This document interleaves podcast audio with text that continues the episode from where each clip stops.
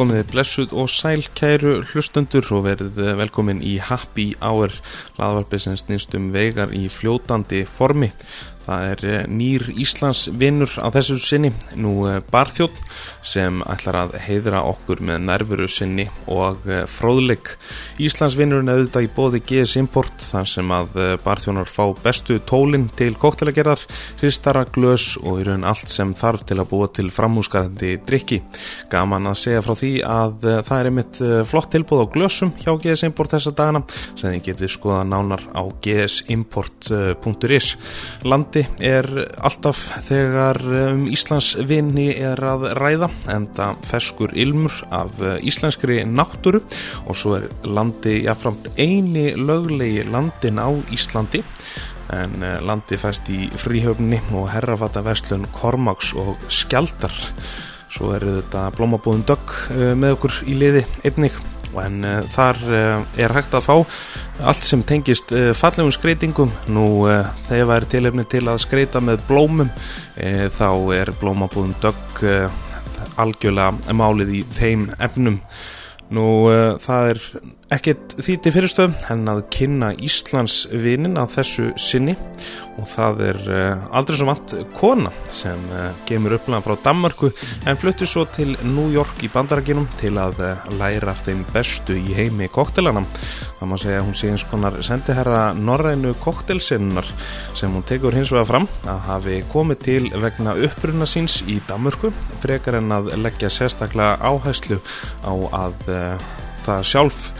Nú, hún hefur hins vegar eh, góða innistöðu til að bera svo vegamegin titil. Því gestur minn í þættinum er höfundur bókarinnar Spirit of the North Cocktail Recipes and Stories from Scandinavia sem kom út í fyrra og fjallar um uh, norræn ráöfni eða ráöfni og drikki sem að koma frá uh, Norðurlundun algjörlega frábær bók sem væsmenn mælir með að fólk kaupir sér hýði snarasta Nú í Íslandsför hennar hingað þá held hún pop-up á uh, skál sem er uh, auðvitað í mathöllinni við hlem og uh, segir hún hins vegar að vera mjög stolt af sínum uppbruna í Danmarku og af Norðurlöndunum almennt samfært um að koktelheimurinn eftir að opnast enn frekar fyrir innblæstri af Norðurlöndunum í nánustu framtíð.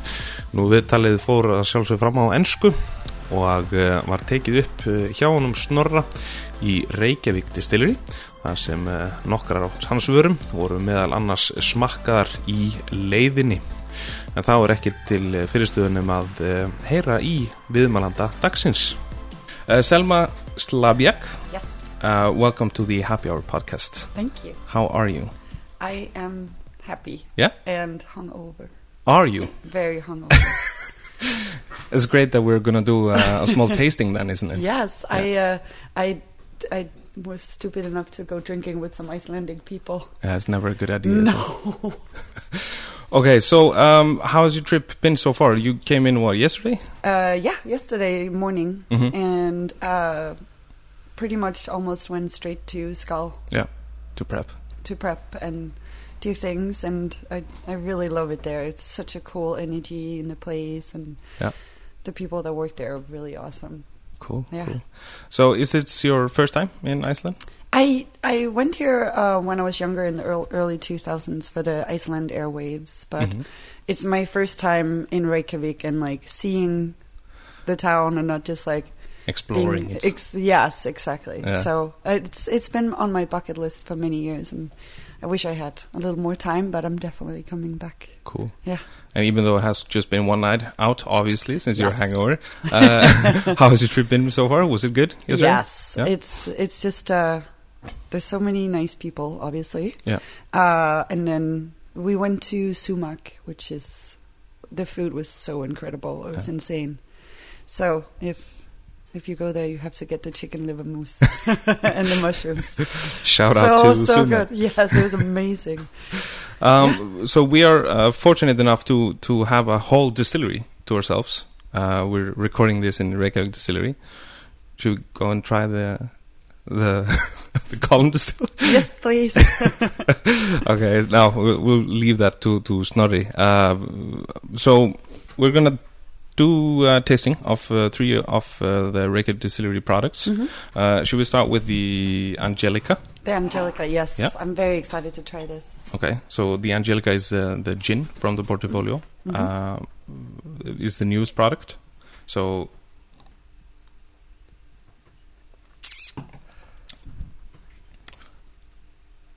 it's very nice. Oh, yeah.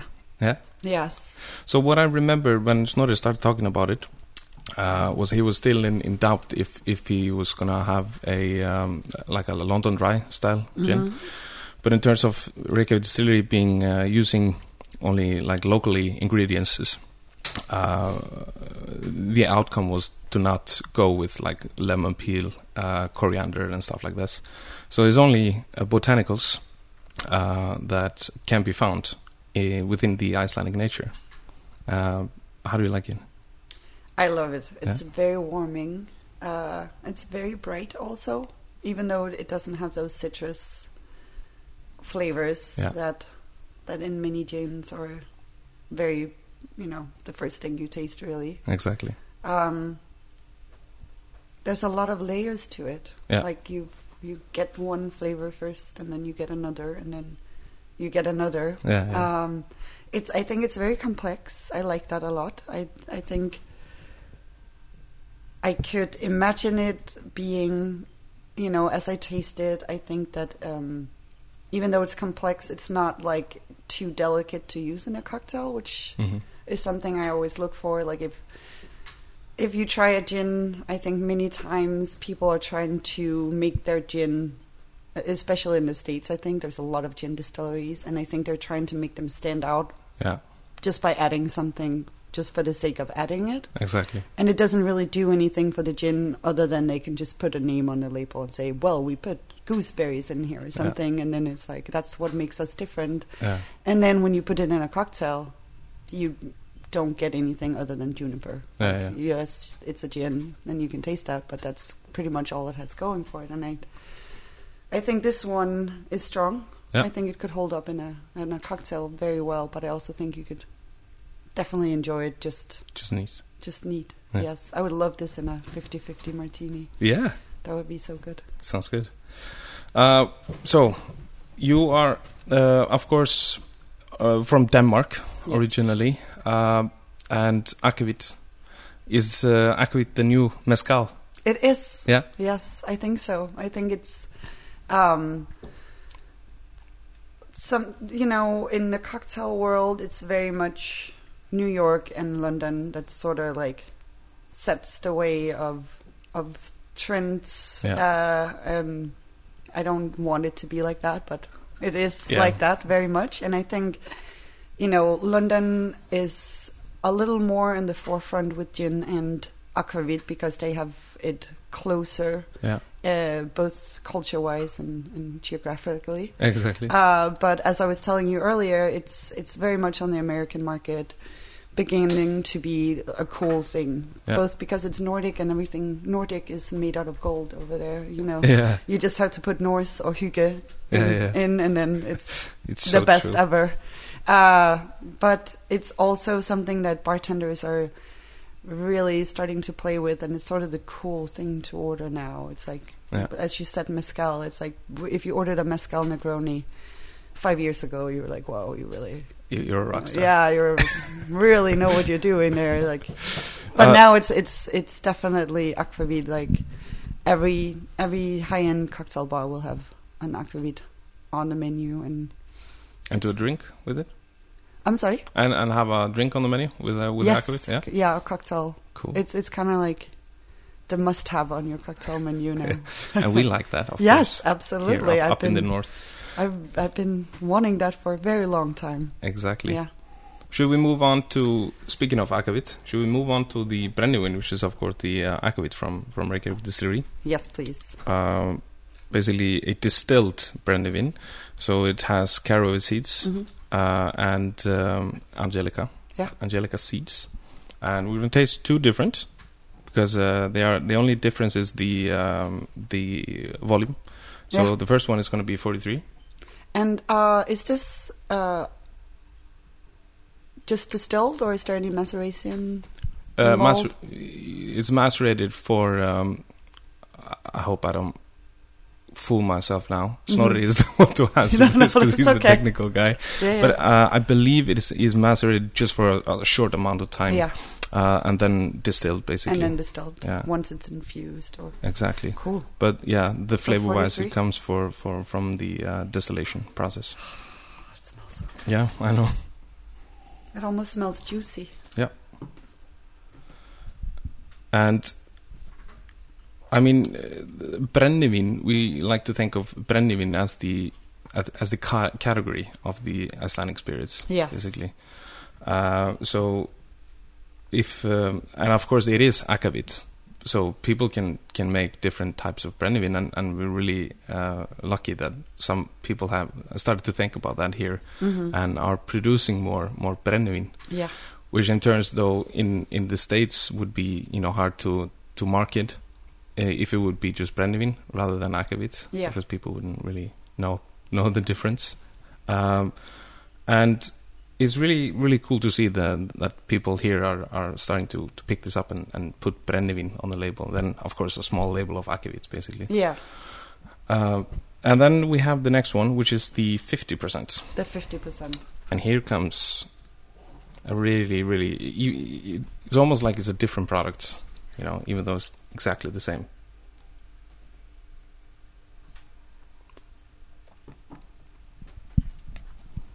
Where here, here we have a mouthfeel. A really yeah. massive wow, mouthfeel. That is so lovely. pretty awesome. Yeah, what ABV can do.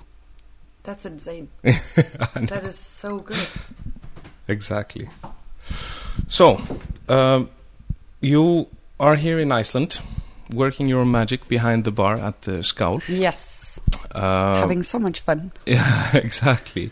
And uh, you are, of course, a bartender Mhm. uh, from from Denmark originally, like we uh, talked about, and the author of the book Spirit of the North, Yes. which we will uh, come back to. But first, I want to know a little bit more about your background, hmm and and uh, for people also to to get to know you a little bit better. Uh, if you could like walk us through the beginning of your uh, career from the moment you entered the the uh, the industry. So basically, who is Selma Slabiak? yes. Um, I think I've always, like, as long as I can can remember, has had a foot in service. Yeah. Uh, I grew up with uh, uncles that worked in restaurants or was uh, cooks on ships. Yeah. Um, I had one uncle that was so good at cooking that everyone made him cook.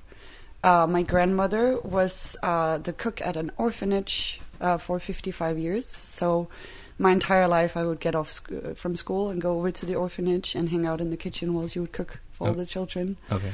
Uh, she also cooked for the family. Um, I always remember her in the kitchen. That's that's just how I she is in my heart. She was always making something, whether she was kneading bread or stirring a pot, uh, and and that's just always been a, a big part of my life. This like cooking and and Flavors, basically. flavors Mhm. exactly and one of the first jobs i got was waitressing Yeah. or bussing you know as as you do when you're not old enough to get a real job yeah.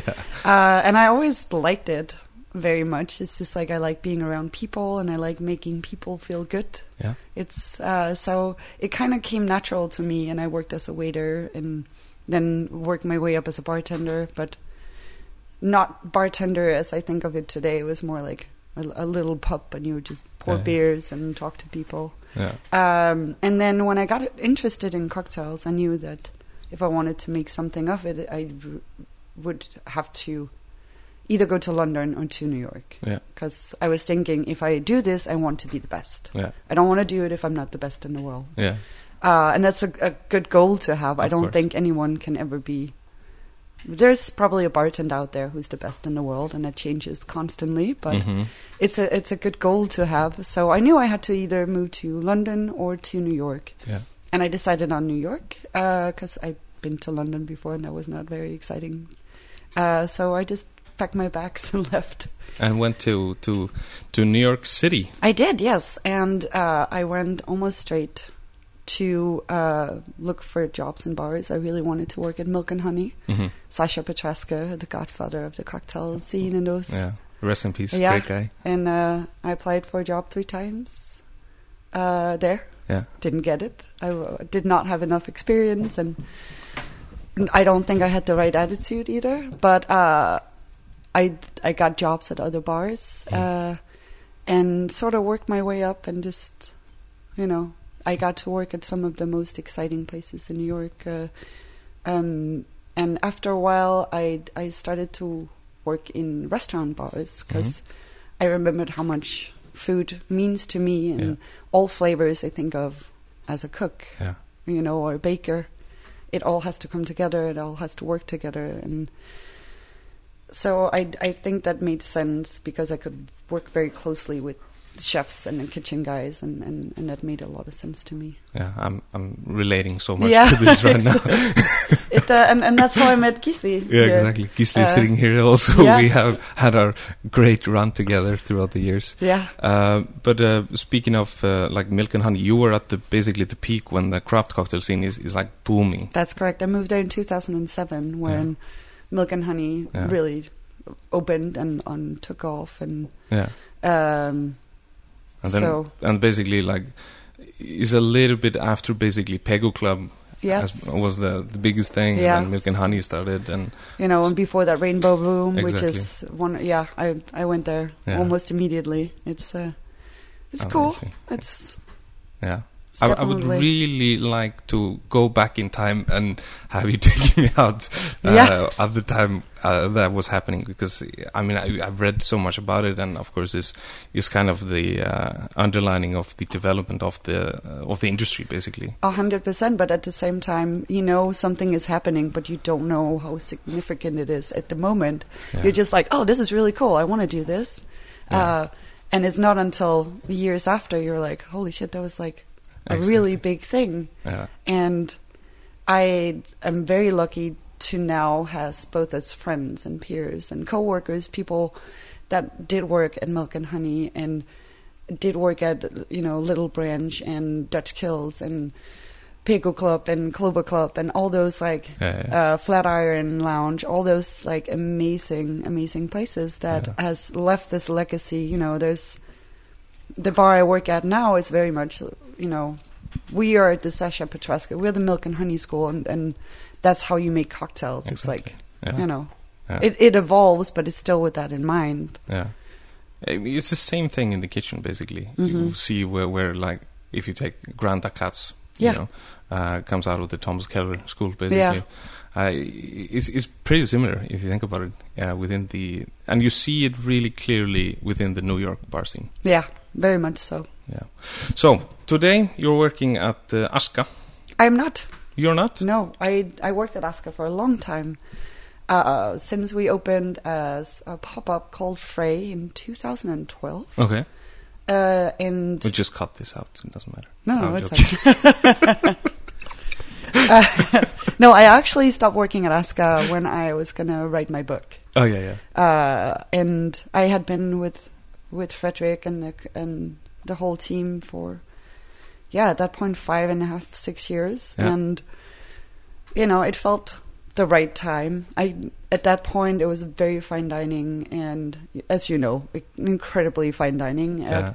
I had done that for a long time and, and gotten a lot of joy from that but at the same time I wanted to go back to my bartending roots very Mhm. much I wanted to just bartend. I didn't want to do. I mean, it's awesome, but I also didn't want to run a bar program for a second. I just wanted to show up to my shift, have fun, Yeah. make drinks, not Mhm. worry about ordering produce and doing scheduling and yeah. all those boring things. I just wanted to bartend for a little bit. W- Work the job. Work the job, yeah. exactly, exactly.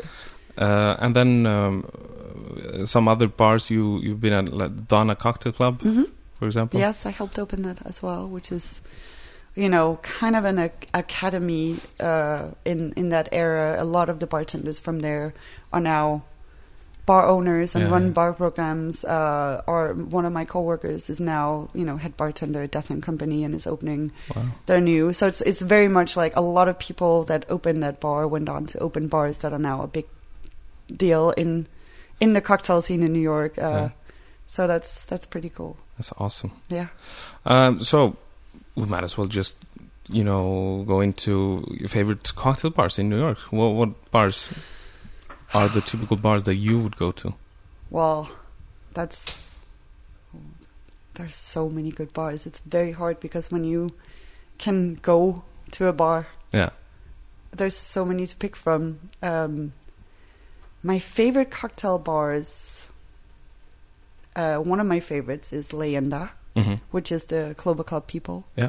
Uh, and again, it's of course because of the cocktails. They're always good, but I'm I'm kind of spoiled where it's like I know the cocktails are going to be good. It's Yeah, not yeah. like a, a worry for me. So I I now get to, you know, I pick because of the cla- like the people that work there. It's Yeah, like the service and the atmosphere, and it's a, a female run bar Yeah. Ivy bar Mix program. and yes, Ivy and uh, uh, Lynette yeah, uh, is a big part of it. They also do speed rack and exactly. you know run Clover Club as well. It's it's a very female ridden, and I love that. The bar I work at now is run by Meaghan Dorman, who's also one of the grand dames in in the cocktail world, and it's it's incredible to get to work for these strong women because it is a very male run industry still Yeah. Uh, very much, and those women are, are trying to change that for the better. Yeah. So, you know, there's just been the, you know, women shouldn't be behind a barbe.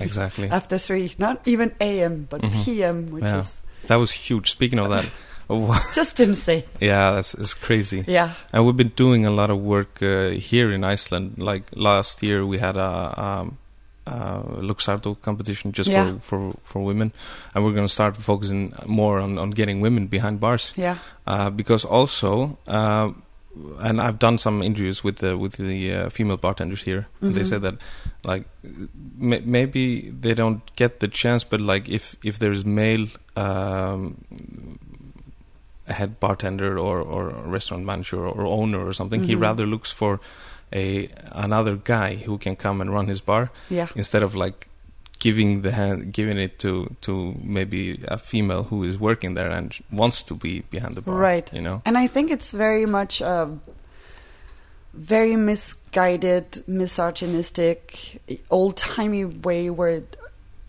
a bar owner will think, well, you know, it's hard work and women can't do that and it's Yeah. you know dangerous or all these weird things where it's like no it it has nothing to do with this Yeah. at all exactly you know uh, if you talk about i mean new york is of course huge but i've, I've traveled a lot throughout the states uh, Mm-hmm. for the past years and um, uh, that what surprised me is that how how massive um, professionalism you can find within the smaller smaller cities when it, Mhm. not when it comes to the population of Iceland but when it comes to the population of the states. Yeah. In like uh, places like Detroit.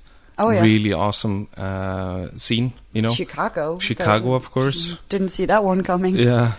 Uh, but then again back in the history he, sh- cocktails were huge in Yeah. Chicago and then kind of you know we went into some kind of uh, yeah I don't know kind of went to sleep a little bit and then Mhm. woken up again uh, it was really amazing to see uh, these these type of cities have have really massive Yeah. cool programs I mean, I was in Iowa City, and I was not expecting Yeah. to, you know, find amazing cocktail bars there, and like people are really, you know, I th- I think a lot of bartenders when they decide to take that step that they are interested in cocktails, Yeah. they go all the way. Yeah. And they make a point of uh, you know following other bartenders on Instagram or reading publications or online articles. And it's just become a very open world where just in 2010 and it's not that long ago yeah. um, it was a lot about don't steal my recipes and don't steal my ideas and everything more- was secret Yeah. and you know very uh, territorial where Mhm. now it's it's the opposite everyone is like if someone comes up and tells me they like a cocktail i'll just tell them the specs even though they don't and they're like uh, i didn't want to know that but Yeah. okay Exactly. everyone is sharing because Yeah. people found out that if we share all this knowledge, we can only be better with it. You yeah. know, and, it also helps like the customer base, the Oh, people that a hundred you know, are yeah. in the end buying this Yeah. stuff. Uh, yeah, I, this has really happened here also. yeah, You know, uh, I think it's probably all around the world that we have, have seen this this happen. yeah. Um, so now we're gonna go into uh, some questions Mhm. about what uh, w- what is favorite. You know, Yeah. uh, some of your favorites. Uh, so if I ask you your favorite cocktail, what would it be? Exactly. Just uh, if I had to choose desert island Yeah. cocktail, would Yeah. be a 50-50. Just yeah, Yeah. good 50-50 gin martini. hmm Uh, or if he was not happy about that. Excuse me. uh, that or one of my favorite cocktails is a tuxedo cocktail. Mhm, Yeah. Um, I use the specs for that a lot when I make cocktails, uh, just to figure out proportions. I think uh, shaking cocktails, I always, I always do a mai tai or something like that, and and Yeah. stirred cocktails are very much like the the specs of a tuxedo, and I think it's a lovely cocktail. It's very. Yeah.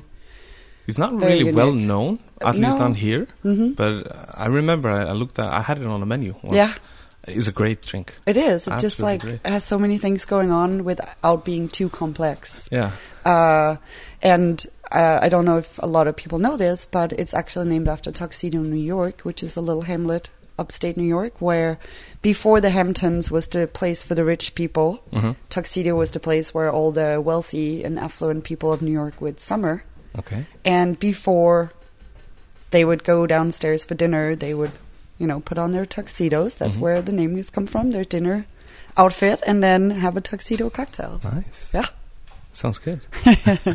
uh, so let's move on to vodka. Do you use vodka in I your drinks? do. Yeah. I love vodka. Mhm. Uh, it has sort of been something that was universally hated just for the sake of hating it. hmm And I think in many ways it comes from the vodka soda crowd, which is always, Yeah. you know, 90% of them are annoying. yeah. Uh, but I also think that it requires a lot of um, of the person drinking it, Yeah. if that makes sense. And it's it's not it's not easy because it it would be easy to just say oh it doesn't taste like anything because if you taste it next to gin that has a lot of juniper or aquavit that has a lot of caraway, yeah.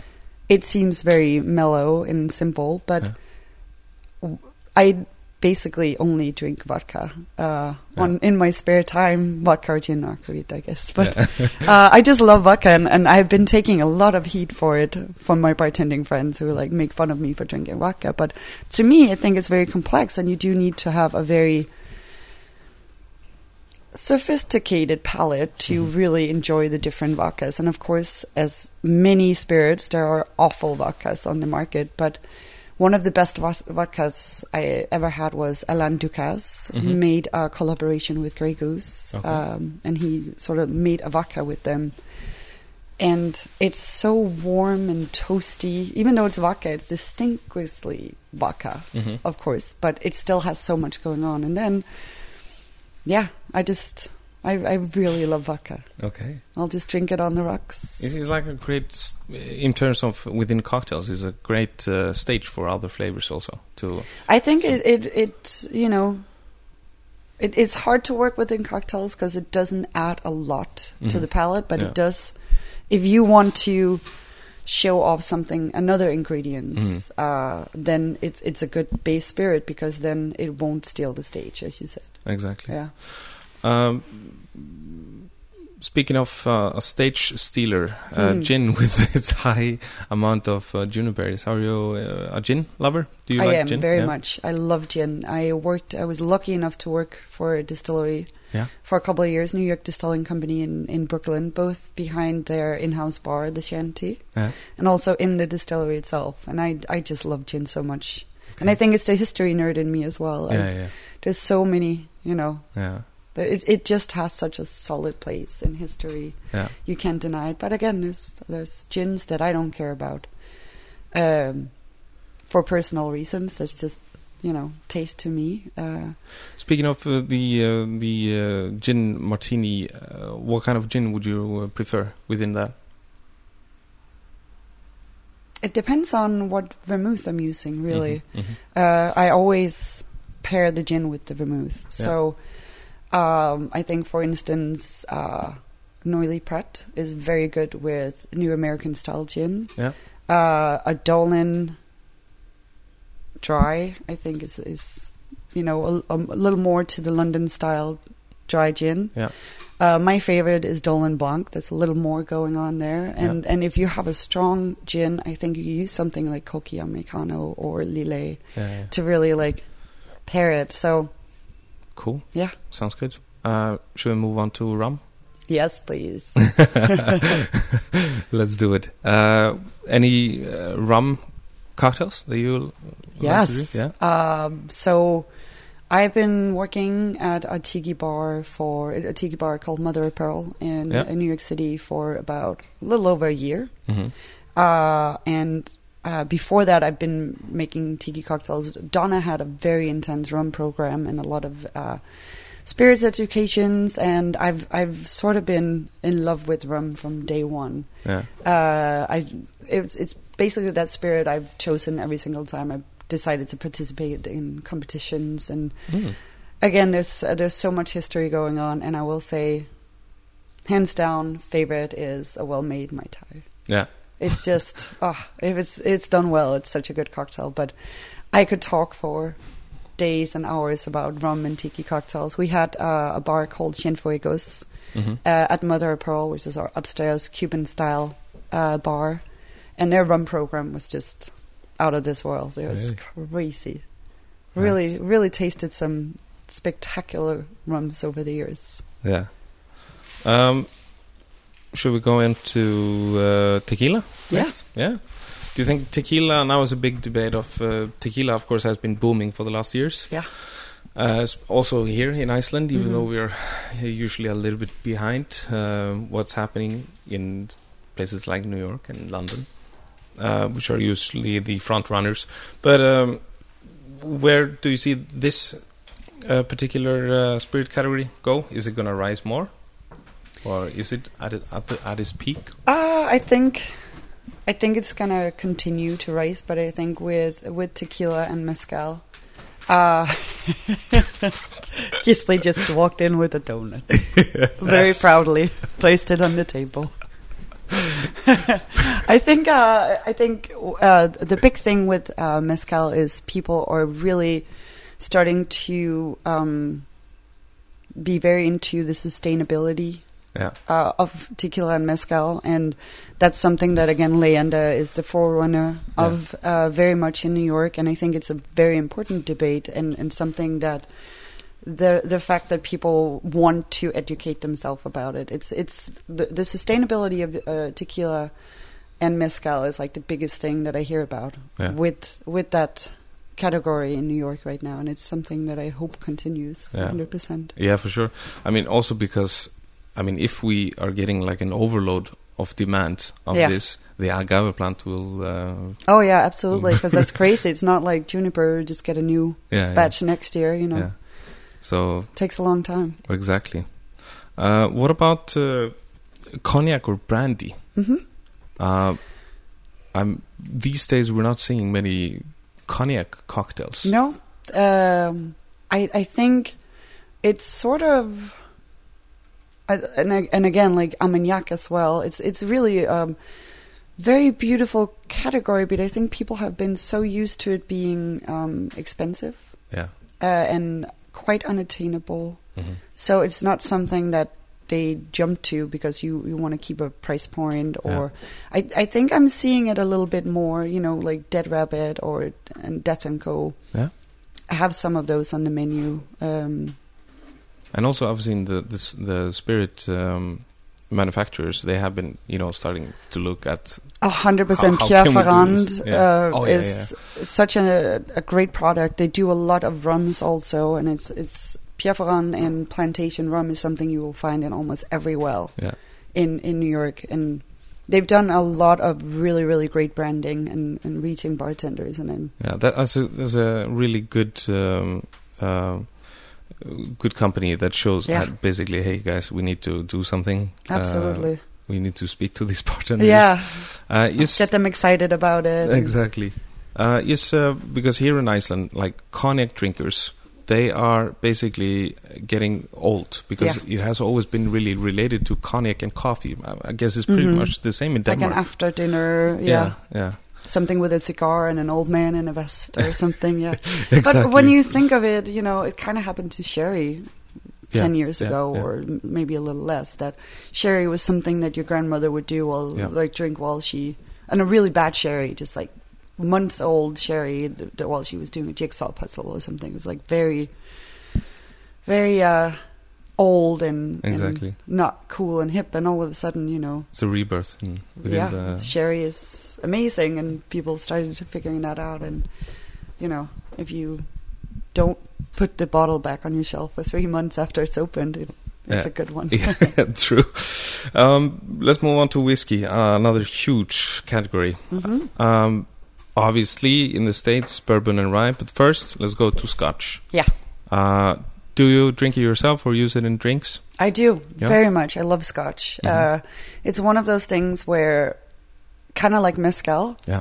uh, it's an acquired taste at first, and and when you start drinking it, the first thing is you taste is like smoke. Yeah. But then when you get used to it, you don't taste the smoke anymore. You start tasting all the things behind it, the vanilla and the butterscotch and all those things. And Yeah. you know, I think uh, even a blended Scotch um, is amazing in cocktails. Yeah. yeah, True. And it's really awesome to see that uh, people are starting to put like really smoky uh, single malts Yeah. in drinks and making them taste delicious, Yeah. basically. a hundred percent. I love them. Um, and then, okay, we have the gin within London. Could we say that bourbon and rye is the thing in, in the States? Yeah, I mean, absolutely. It's it's something that is very much a part of their identity. Exactly. Uh, rye in the north and bourbon in the south. Um, a hundred percent. Yeah, it's it's very like American whiskey. Yeah, Yeah. yeah. but then again, we have like if we think about the world throughout the cocktail whiskey sour, it has Yeah. been promoted like really, and it's a massive um, demand for whiskey sour in Iceland. Huh. Uh, Interesting. it's really interesting because like the most uh, popular cocktails throughout, uh, if we take like the last years, we have had a boom in um, Aperol Spritz, Moscow Mule, Yes. espresso martini, uh, and whiskey sour is also definitely on on the list.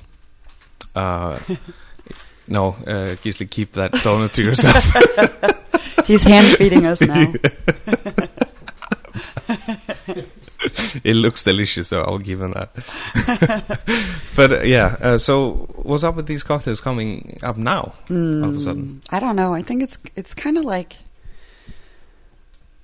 I guess if people see it, it's kind of like um, mojito. Yeah, You know, if people see it, they're like, "Oh, that looks good." And yeah, yeah. and I think it's very much also people.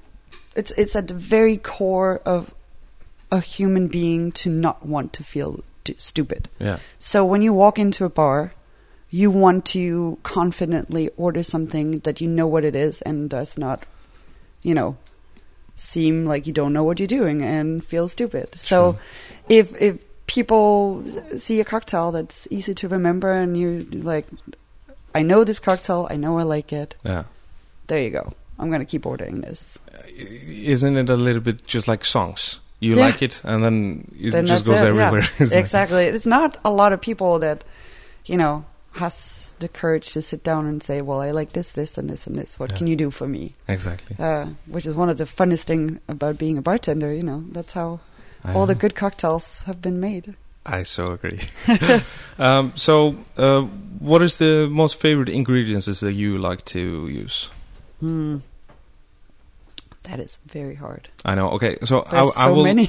I'm gonna change this question, and I'm gonna do it um, a little bit differently. Okay. Ingredients of the north. yes. Um, we need to go into that. direction. Yeah, there's uh, there's so many amazing ingredients. Uh, when when people think of the Nordic countries, they, they think of this barren land that only have three months of summer, and you can't really grow anything other than potatoes or Yeah. dill, and that's it. And although those are staples, I think we have such an amazing, you know, like uh, rhubarb, for instance. You Mhm. know, it's it's great for the northern countries because it needs to grow in the cold, and Yeah. and although it's a very short season for rhubarb, you know, we have found ways of preserving it in in many ways, whether it's pickling or fermenting or making into liquor or whatever. And and and and I think that that's something I learned when when I was growing up in in the country with my grandmother is you know there's a time for everything in Yeah. the season and you know if something that you find in nature in spring might not be tasty but if you wait four months and find it in the fall and all of a sudden it's a tasty thing and and I think that's very interested interesting with the Nordic um, flavors. I think one of my favorites is uh, Arctic raspberries. I like that. It's in America. It's called a nagoon berry, hmm um, and they're sort of like these teeny tiny, hard-looking th- raspberries that grows coastally. Hmm Um, and they're a little more sour, but they have a lot more flavor. It's kind of like strawberries. If you have strawberries in Scandinavia, it tastes like strawberries. Where, Yeah. you know, in America we just get these like huge chunks of water with strawberry flavor. You know, exactly. it's and of course, uh, you know, we have so many awesome berries that have found a way to. I think, um, Hyben. Um, what's Hyben called? Yeah, we will look that up. Yes. I, I don't know why I can't remember what it's called right now. Hyben. It's like you can. Hyben in Danish. Hmm. Hyben. Hyben. Hyben. Yeah, it's like it has a rose. It grows on a bush, and it grows these big berries. And then you can also there's powder inside of it. Oh yeah, I know what it is. Rosehip. Rosehip. Rosehip, yeah. Yes, I love rosehip hmm so much. It's and, and um, thank you. Thanks to you know the Nordic kitchen, a lot of things that hasn't you know been on our minds for a very long time. You know, I remember seeing uh, sea buckthorn berries Mhm. in nature, but I don't remember having them in In in my food or drinks Mhm. growing up at all. It was just something that was there, and thank you, thanks to you know Noma and Slippurinn and all those places. Yeah. You know, it, it you know the food world, the the gastronomical world has really done a lot for the cocktail world. yeah. Um, Usually also uh, with technique, you know, uh, things like existing conditions, and even at Aska, I got to play with centrifuges and vacuums Mhm. and all these like, uh, you know, sous videing Yeah. is something that's used in almost every cocktail bar now, and it wasn't it wasn't know. back then. five years ago even, you know. Of course, they have you know showed us uh, a lot about uh, extracting flavors. hmm Uh, definitely, I totally agree with that. Um um, so, tell us a little bit about um, the book. Yes. We need to speak about the book. Yes, the book. Yeah, Uh, the good book. yeah, Uh, the book is is something that I I've had in me for many many years. Uh, I've had this story that I wanted to tell in in my heart or in my head for many many years, and I always knew I was going to write it, but I really thought it was going to be when I was like seventy years old.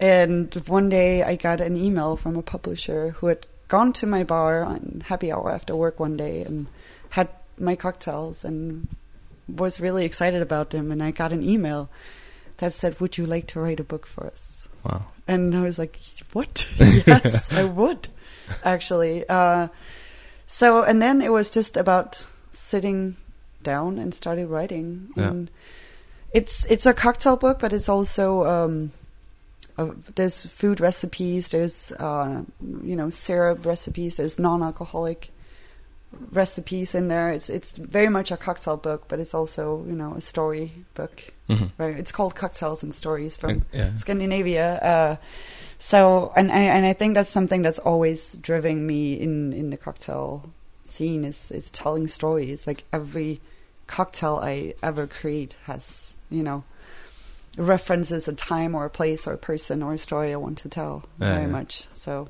that's super important to me. Uh, true. I I'm desperate for uh, for uh, getting that book in my hands because I really relate well, to come to uh, Skál tonight. There's one. For sure. Um so because I was in charge of uh, drinks at uh, Gisli's former restaurant, Matur Yeah. Uh, where we basically taking older Icelandic recipes and um, bringing them to life. Yeah. Uh, we did this both in, in food and, and drinks, which is also the what what it means, Matur Drykkur. Yeah. Um, so I can really relate to what you're saying. And what I came down to with that program was using terms like historical factors, uh, authentic flavor combinations. hmm Um, also, that the drink didn't include an ingredient that was basically out of the blue. Yeah. You know, so there was always There's a a reason. purpose, yeah, there was a exactly. reason, uh, or for it to be a part of it. Um, are we getting more demands for drinks like this, like from the north?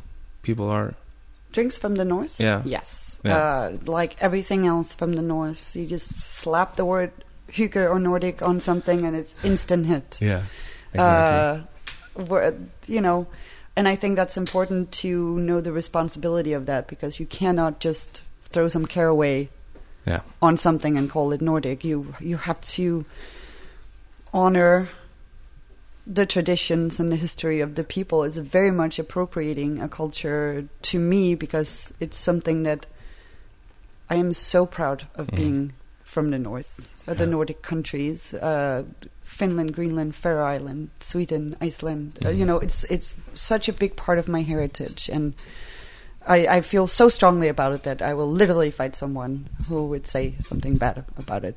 But that's for another time. But to me, it's it's very important that you don't take my culture lightly. So if you do end up doing something Nordic in in your bar in America as an American person or um, an Italian person, Mhm. to me it is important that it's not just just because it's trendy. just because it's trendy. It's because you you want to partake in that culture Mm-hmm. and those flavors.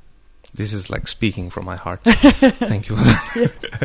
I mean, but uh, but it makes sense. Like if you th- if you look through Netflix and Yeah. look through all these, uh, you know, within films, Nordic drama, Nordic uh, thrillers. This is what people want. Yeah. because they have a great. I mean, we are really good Yes, here in the north, hundred making percent. making uh, great stories. I think we're the best. we are, and it's best. it's a big part of our culture Mhm. especially you as an icelandic person will know this you're you know telling stories and and setting the scene and and all of those things it's uh, that's why at aska we called the bar edda yeah. because it's it's about telling a story it's it, you know Exactly. I mean, could drinks be a part of this demand? Can we relate our drinks to being like drama is within authentic uh, thriller when it comes to flavor, uh, and interesting because of the historical factors? Uh, could we relate it a little bit too? yeah i think at least you could want to Yeah, do that Exactly. yeah it's a it's a great uh, it's a great standpoint Mhm. whether people are going to accept that or show the interest that's Yeah, that's up to you can you know not guarantee that unfortunately Of course, of course. Um, of course, I'm I'm I'm also a bit crazy, you know, when it comes to this stuff. But we need to be if we want something to hundred percent to get there. So there is definitely a future for, for spirits and, and drinks of the north. i think so and and i think you know it it's it's funny to see that because to me aquavit is not Yeah. something foreign or strange it's something that's always been a bottle or two in the freezer and it's always on the table when you know. Um, but and again, something, and I don't know if it, that's part of another question, but something that is important to me to relay from my culture to the American culture is, you know, our drinking culture. Yeah. Um, we in in America, it. it is illegal to drink, and it's such a big deal. And uh, up until you're 21, it's it's so dangerous, and, and you get scared. And then as soon as you turn 21, Yeah.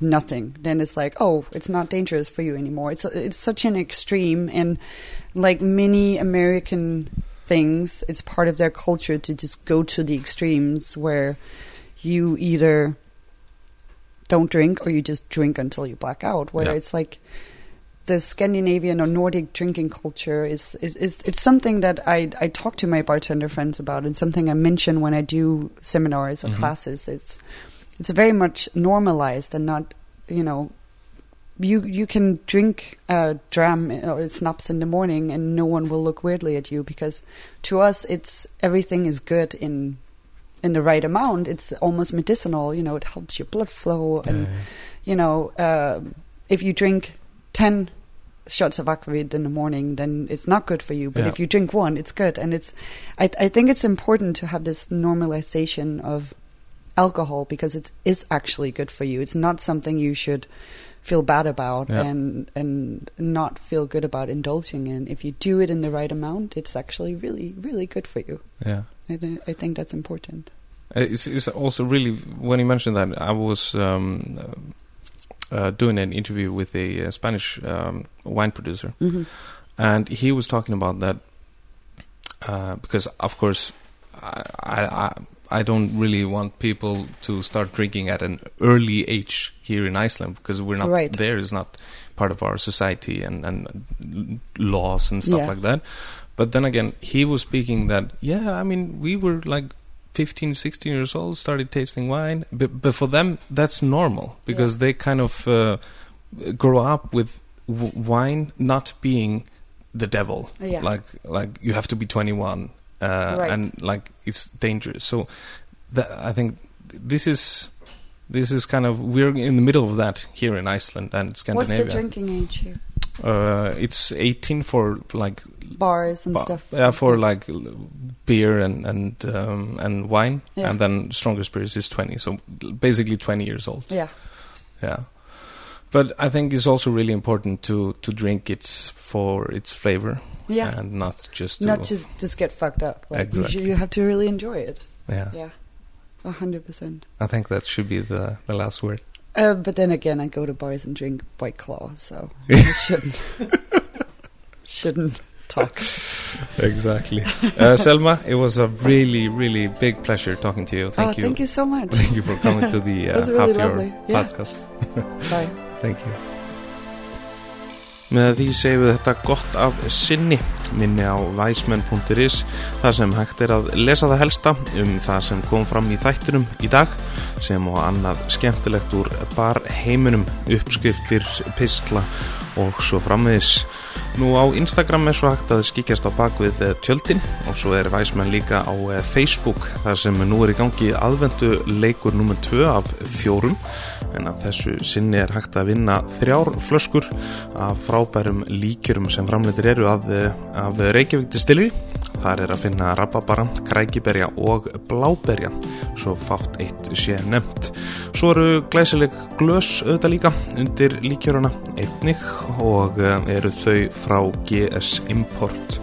Nú tveir miðar á jólatónleika Rakela Pálsdóttur sem er rísandi stjarnar í íslensku tónlistasenni og er þessu svo öllu pakkað inn og eh, skreitt á mistralegan hátt af eh, Söndru Dögg og hennar frábæra starfsfólki í blómabúðinni Dögg í Hafnarfyrði. Kikið endilega inn á Facebook og eh, skráðu ykkur til leiks þar. Nú næsti þáttur ekki langt undan eftir nokkra daga en þar ætlum við að rýna í heim bjórsins í glænýjum þætti í Happy Hour sem nefnist Bjórdælan. Sá e, þáttur vantanlegur í loftið á e, 50 daginn næstkomandi.